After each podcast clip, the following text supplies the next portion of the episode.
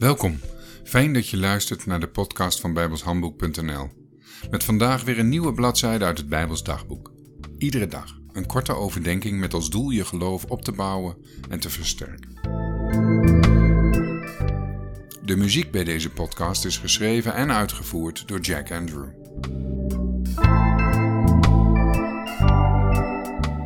...2 januari. En ik wil beginnen met het lezen van 2 Timotheus 3 vers 16. Al de schrift is van God ingegeven en is nuttig tot lering, tot wederlegging, tot verbetering, tot onderwijzing van die in de rechtvaardigheid is.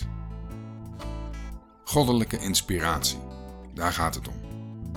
Dit is waarschijnlijk de belangrijkste tekst uit de Bijbel over de goddelijke inspiratie van de Bijbel zelf.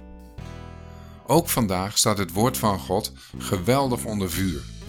Velen menen dat de Bijbel slechts een opmerkelijk menselijk boek is, zonder goddelijke inspiratie. Anderen menen dat de schrift slechts gedeeltelijk door God is geïnspireerd. Wat betekent het nu dat wij geloven dat het woord van God van kaft tot kaft is geïnspireerd door God? Of anders gezegd, wat verstaan we onder volledige en woordelijke inspiratie? In bovenstaand vers wordt een bijzondere kenmerk gegeven van de schrift. Dat kenmerk is dat de schrift van God ingegeven is. Dat is in de Griekse grondtekst één woord, theopneutos. Wat letterlijk betekent God geblazen. Dit betekent in de eerste plaats dat de schrift door God is uitgeblazen. Dat wil zeggen van hem is uitgegaan. Het zijn zijn woorden, zoals hij wilde dat ze opgeschreven zouden worden.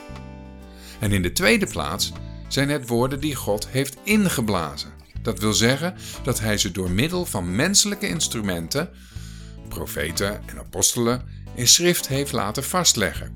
Kortom, als kinderen van God geloven wij dat bij het opstellen van de oorspronkelijke manuscripten de Heilige Geest de schrijvers leidde. Zelfs in de keuze van hun uitdrukkingen op iedere bladzijde van de schrift, zonder echter hun persoonlijkheid uit te schakelen.